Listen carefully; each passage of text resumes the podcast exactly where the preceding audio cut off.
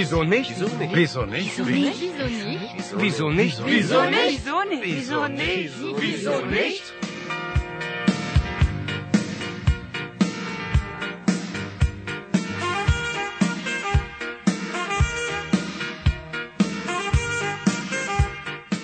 Goethe-Institut Jakarta didukung Deutsche Welle dan Internationals mempersembahkan program pelajaran bahasa Jerman Wieso nicht?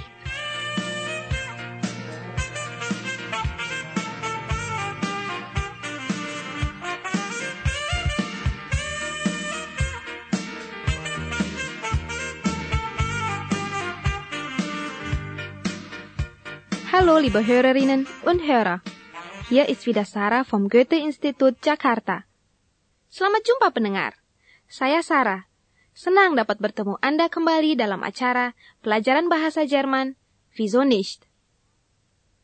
Hari ini, kita akan ditemani lagi oleh Kaspa dan Til. Dalam episode yang berjudul Anglerspaß. Anglerspaß? Apa itu? Ein Angler ist ein Mensch, der angelt. Und Angeln macht Spaß. Jadi, Anglerspaß berarti kesenangan memancing. Und was angelt ein Angler? Oder was fängt ein Angler? Fische natürlich. Apa yang dipancing? Apalagi kalau bukan ikan. Pendengar, Hari ini kita akan mendengarkan Kaspa dan Til membicarakan si tetangganya yang suka berdiri di depan pagar. Tetangganya ini ternyata sudah pensiun. Dulu, apa sih profesinya? Yang jelas, karena profesi inilah si tetangga sering mengkritik Kaspa. Perbuatan Kaspa yang mana yang tidak disukainya? Heute hat der Nachbar einen Verband um den Kopf. Was ist da passiert? Hari ini, kepala si tetangga diperban. Apa yang telah terjadi? Hatte er einen Unfall? Apakah dia mengalami kecelakaan? Kemarin si tetangga pergi memancing. Hat er viele Fische geangelt? Oder hat er vielleicht etwas anderes gefangen? Dia mendapat apa sewaktu memancing? Mari, kita simak saja adegan berikut ini. Viel Spaß. Szene 10 Anglerspaß oder wie der Nachbar sich selber fing.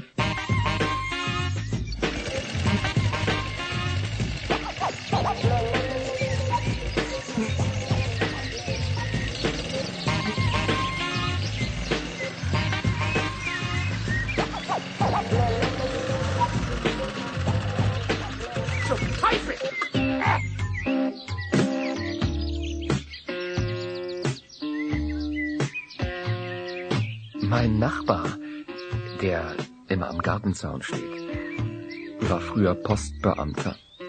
Das heißt, heute ist er ein pensionierter Postbeamter. 45 Jahre am Postschalter. Mhm. Keine Absenzen. Mhm. Keine Krankheitstage. 45 Jahre im Dienst der Öffentlichkeit. Mhm.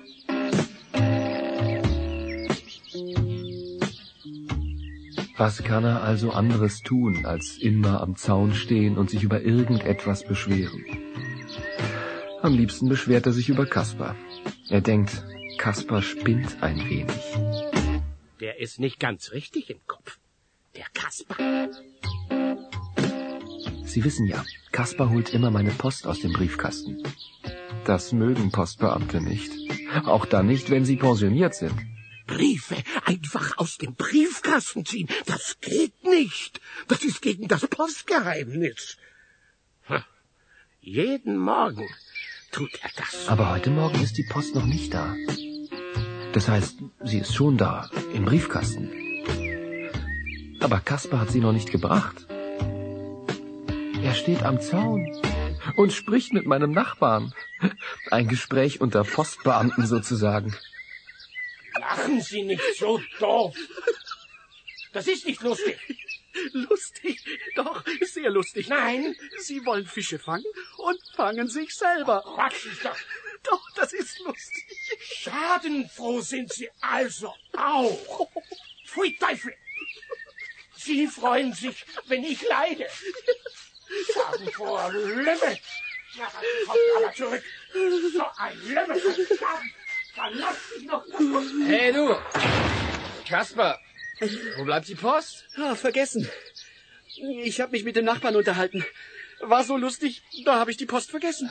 Der Kaffee ist fertig. Willst du eine Tasse? Hast du seinen Kopf gesehen? Mit dem Verband drum, ganz dick eingewickelt. Er sieht aus wie eine Mumie. Eine pensionierte Mumie. Was ist denn passiert? Ein Unfall? Das hat er mir eben erzählt. Er war angeln. Unten am Fluss, da wo wir immer angeln. Und klaut uns einfach die Idee. Und das hat er nun davon. Ja, was denn? Erzähl doch. Hat keine Fische gefangen, der Nachbar, aber sich selber. Was? Er hat sich selbst gefangen? Hat die Angelschnur geworfen, mit Schwung, zack, und die Angel hat sich in seinem Ohr verfangen. Hat ihm das halbe Ohr abgerissen. Der ist nicht ganz richtig im Kopf. Ja, das habe ich auch schon gehört. Till, äh, gehen wir angeln? Jetzt? Äh, nein, das geht nicht. Ich, ich, ich muss noch weg. In die Stadt. Gut, dann frage ich eben unseren Nachbarn. Vielleicht kommt er mit. Also, Kasper, äh, meinst du wirklich? Nah, pendengar. Sekarang kita sudah tahu apa dulunya profesi si tetangga. Ya, Ewa Post Beamta. Dan dia bangga sekali. Karena selama 45 tahun bekerja sebagai pegawai kantor pos, ia tidak pernah absen atau sakit. Benar-benar pegawai teladan. Sebagai pegawai kantor pos yang baik, ia selalu menjaga kerahasiaan surat-surat. Katanya. Oleh karena itu, ia tidak menyukai kebiasaan Kaspa. Anda ingat kan, Kaspa suka mengambilkan surat-suratnya Til dari kotak pos yang ada di depan rumahnya. Memang, di Jerman kerahasiaan surat-surat atau Postgeheimnis dilindungi oleh undang-undang. Tapi, apakah Kaspa dalam hal ini melanggar undang-undang? Toh dia hanya membantu Til mengambilkan surat-suratnya dan tidak pernah membacanya. Ya, begitulah kalau orang kurang kerjaan seperti si tetangga ini. Kerjanya hanya berdiri di depan pagar, mengamati orang lain, dan mencari-cari kesalahan orang lain. Pendengar, kenapa hari ini kepala si tetangga diperban? Apakah ini ulah Kaspa dan Til? Tidak. Ternyata dia mengalami kecelakaan waktu memancing. Er hat sich selbst gefangen. Karena semangatnya sewaktu melempar tali pancing, yang kena bukan ikan, melainkan telinganya sendiri. Sekarang telinganya sobek. Kasian, tidak bisa nguping lagi ya. Dan karena semangatnya Kaspa mendengarkan cerita si tetangga, ia sampai lupa mengambilkan surat til. Penampilan si tetangga sekarang lucu dengan perban yang tebal di kepalanya. Kelihatannya seperti mumi. Eine pensionierte Mumie, sa Kaspa. Dan pada akhir cerita, Kaspa ingin mencari teman untuk memancing. Karena Til tidak bisa ikut, Kaspa mau mengajak si tetangganya saja. Apa dia serius?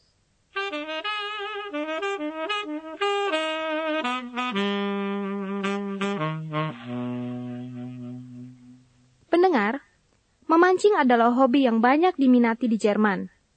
Seperti biasa di Jerman, segalanya ada peraturan. Wer angeln will, braucht einen Angelschein. Siapa yang ingin memancing, ia harus mempunyai surat izin memancing. Und wo kann man angeln? Hm, an einem See, an einem Fluss oder an einem Kanal. Tetapi, itu pun terbatas di tempat-tempat tertentu yang dikhususkan untuk pemancing. Yang dicari pemancing sebenarnya bukan ikan saja, tetapi juga ketenangan. Memancing dapat menghilangkan stres tanpa efek sampingan. Nah, Di Indonesia bagaimana? Sebenarnya sama saja, tapi mungkin yang lebih penting di Indonesia adalah ikannya.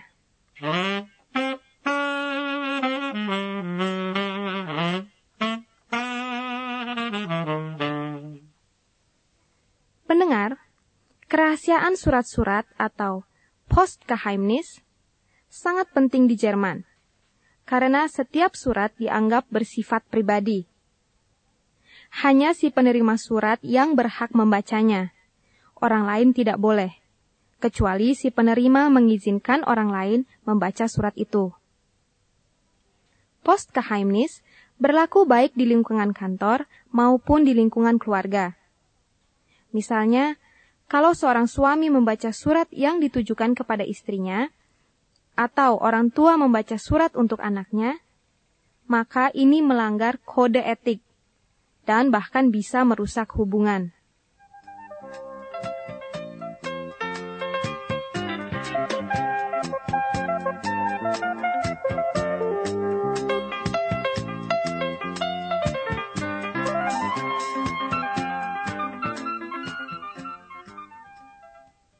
Liebe Hörerinnen und Hörer, eine interessante Geschichte, nicht? Hari ini kita telah mengulas kegemaran memancing di Jerman dan pentingnya kerahasiaan surat.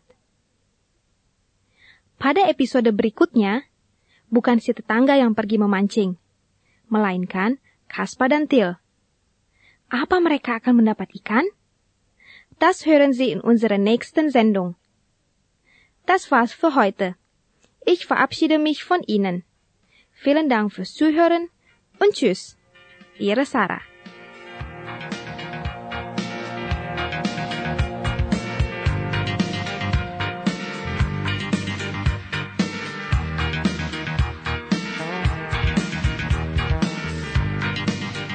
Demikianlah acara kita nicht?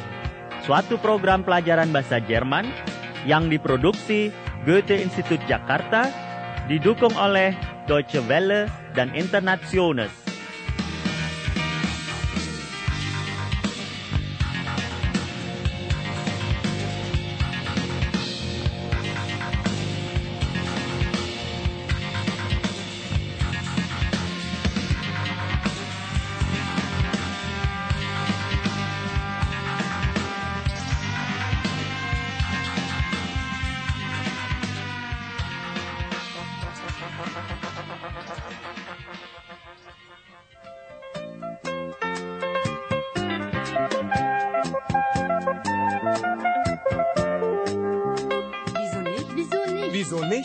Wieso nicht? Wieso nicht? Wieso nicht? Wieso nicht? Wieso nicht? Pendengar, sekarang kita ulas beberapa hal yang muncul dalam episode tadi.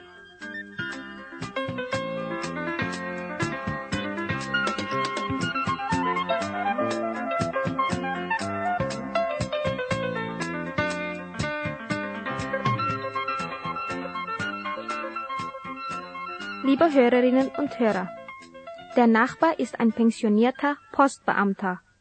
Das heißt, er ist schon alt und arbeitet nicht mehr. Als Beamter bekommt er eine Pension.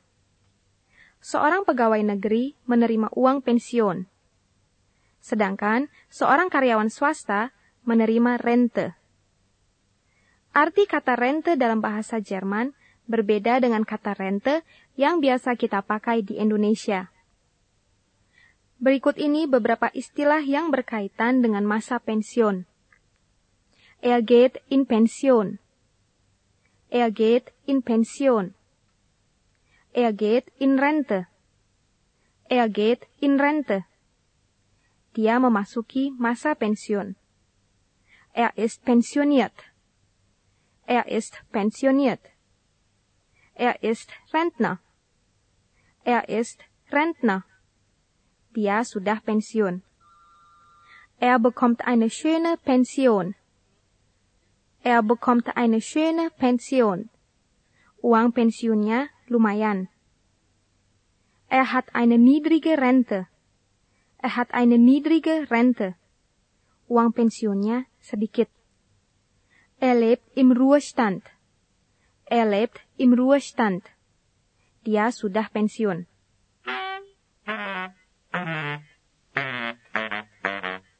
Liebe Hörerinnen und Hörer, erinnern Sie sich, was der Nachbar gefangen hat?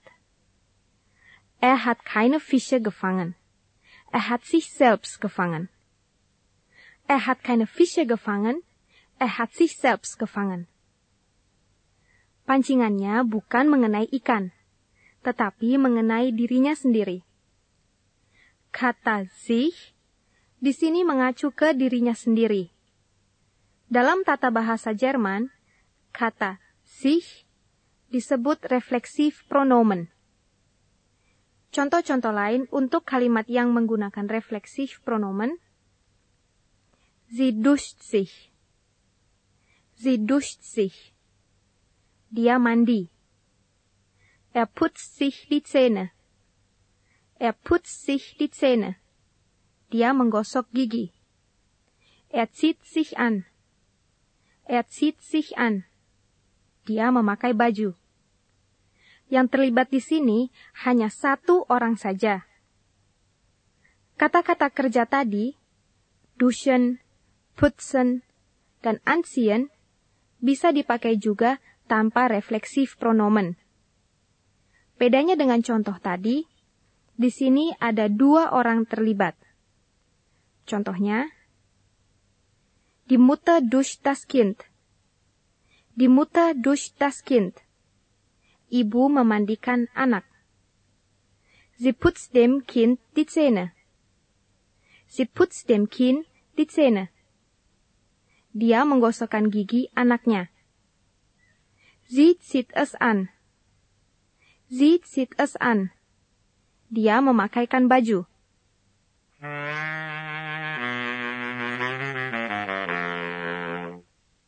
Ada juga kata-kata kerja yang selalu refleksif. Contohnya, sich freuen. Sie freuen sich, wenn ich leide. Sie freuen sich, wenn ich leide. Anda senang kalau saya menderita. Sich erinnern. Erinnern Sie sich? Erinnern Sie sich? Anda masih ingat? Sich beschweren. Der Nachbar beschwert sich über Kasper. Der Nachbar beschwert sich über Kasper. Si tetangga mengeluh tentang Kasper. Pendengar, Anda tentu memperhatikan refleksif pronomen di sini tidak bisa diterjemahkan dalam bahasa Indonesia. Lachen Sie nicht so doof. Das ist nicht lustig. Lustig, doch, sehr lustig. Nein. Sie wollen Fische fangen und fangen sich selber. Quatsch ist doch. Doch, das ist lustig. Schadenfroh sind Sie also auch. Pfui Teufel. Sie freuen sich, wenn ich leide. Pendengar, Kaspa tadi menertawakan si tetangga karena kail si tetangga mengenai kepalanya sendiri. Apa jawaban si tetangga? Lachen Sie nicht so doof, das ist nicht lustig. Lachen Sie nicht so doof, das ist nicht lustig. Jangan mengejek, itu tidak lucu.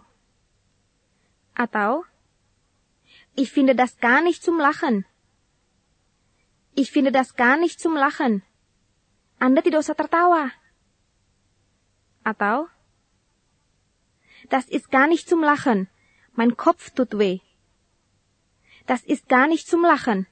Mein Kopf tut weh. Anda jangan tertawa, kepalaku sakit. Jadi, lain kali kalau teman Anda menertawakan Anda, jawab saja. Das ist gar nicht zum Lachen. Das ist gar nicht zum Lachen. Das ist nicht lustig. Das ist nicht lustig. Lachen Sie nicht so doof. Das ist nicht lustig.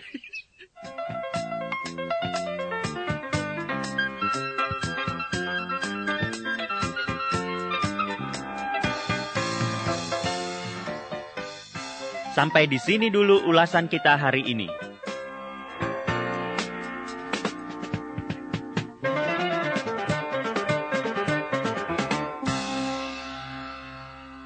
Pendengar, sekarang giliran Anda untuk bicara.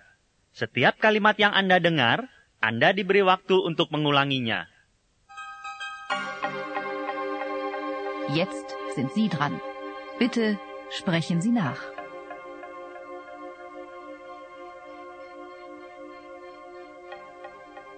Sie wissen ja, Kaspar holt immer meine Post.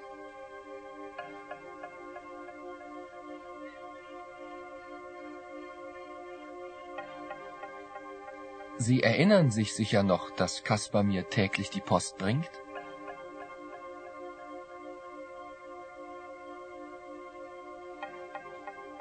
Und Sie müssen auch wissen, dass er das gern tut.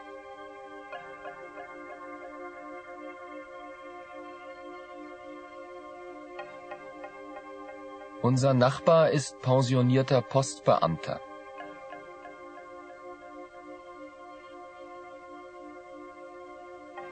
Was kann er also anderes tun, als immer am Zaun stehen und sich beschweren?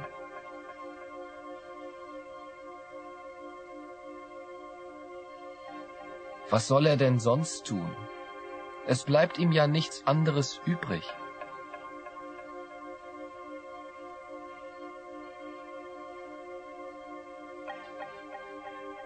Heute Morgen ist die Post noch nicht da.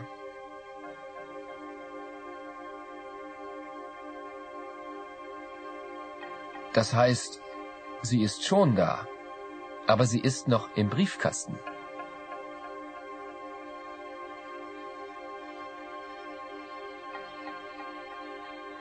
Der Nachbar hat unten am Fluss nichts gefangen.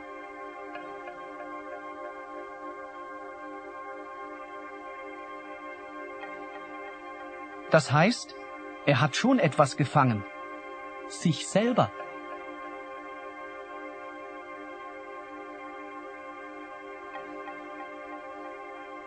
Hast du seinen Kopf gesehen?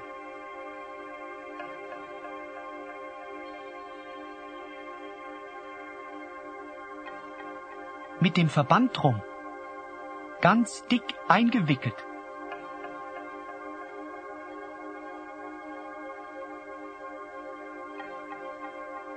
Er sieht aus wie eine Mumie.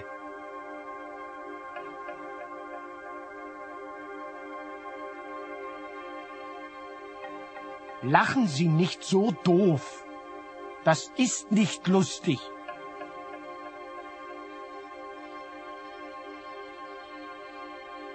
Pfui, Teufel. Sie freuen sich, wenn ich leide.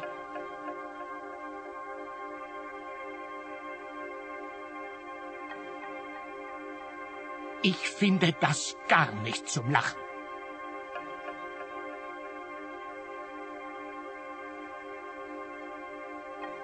Das ist gar nicht zum Lachen.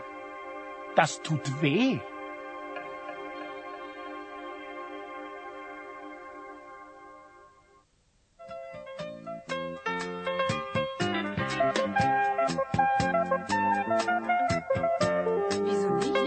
Wieso nicht?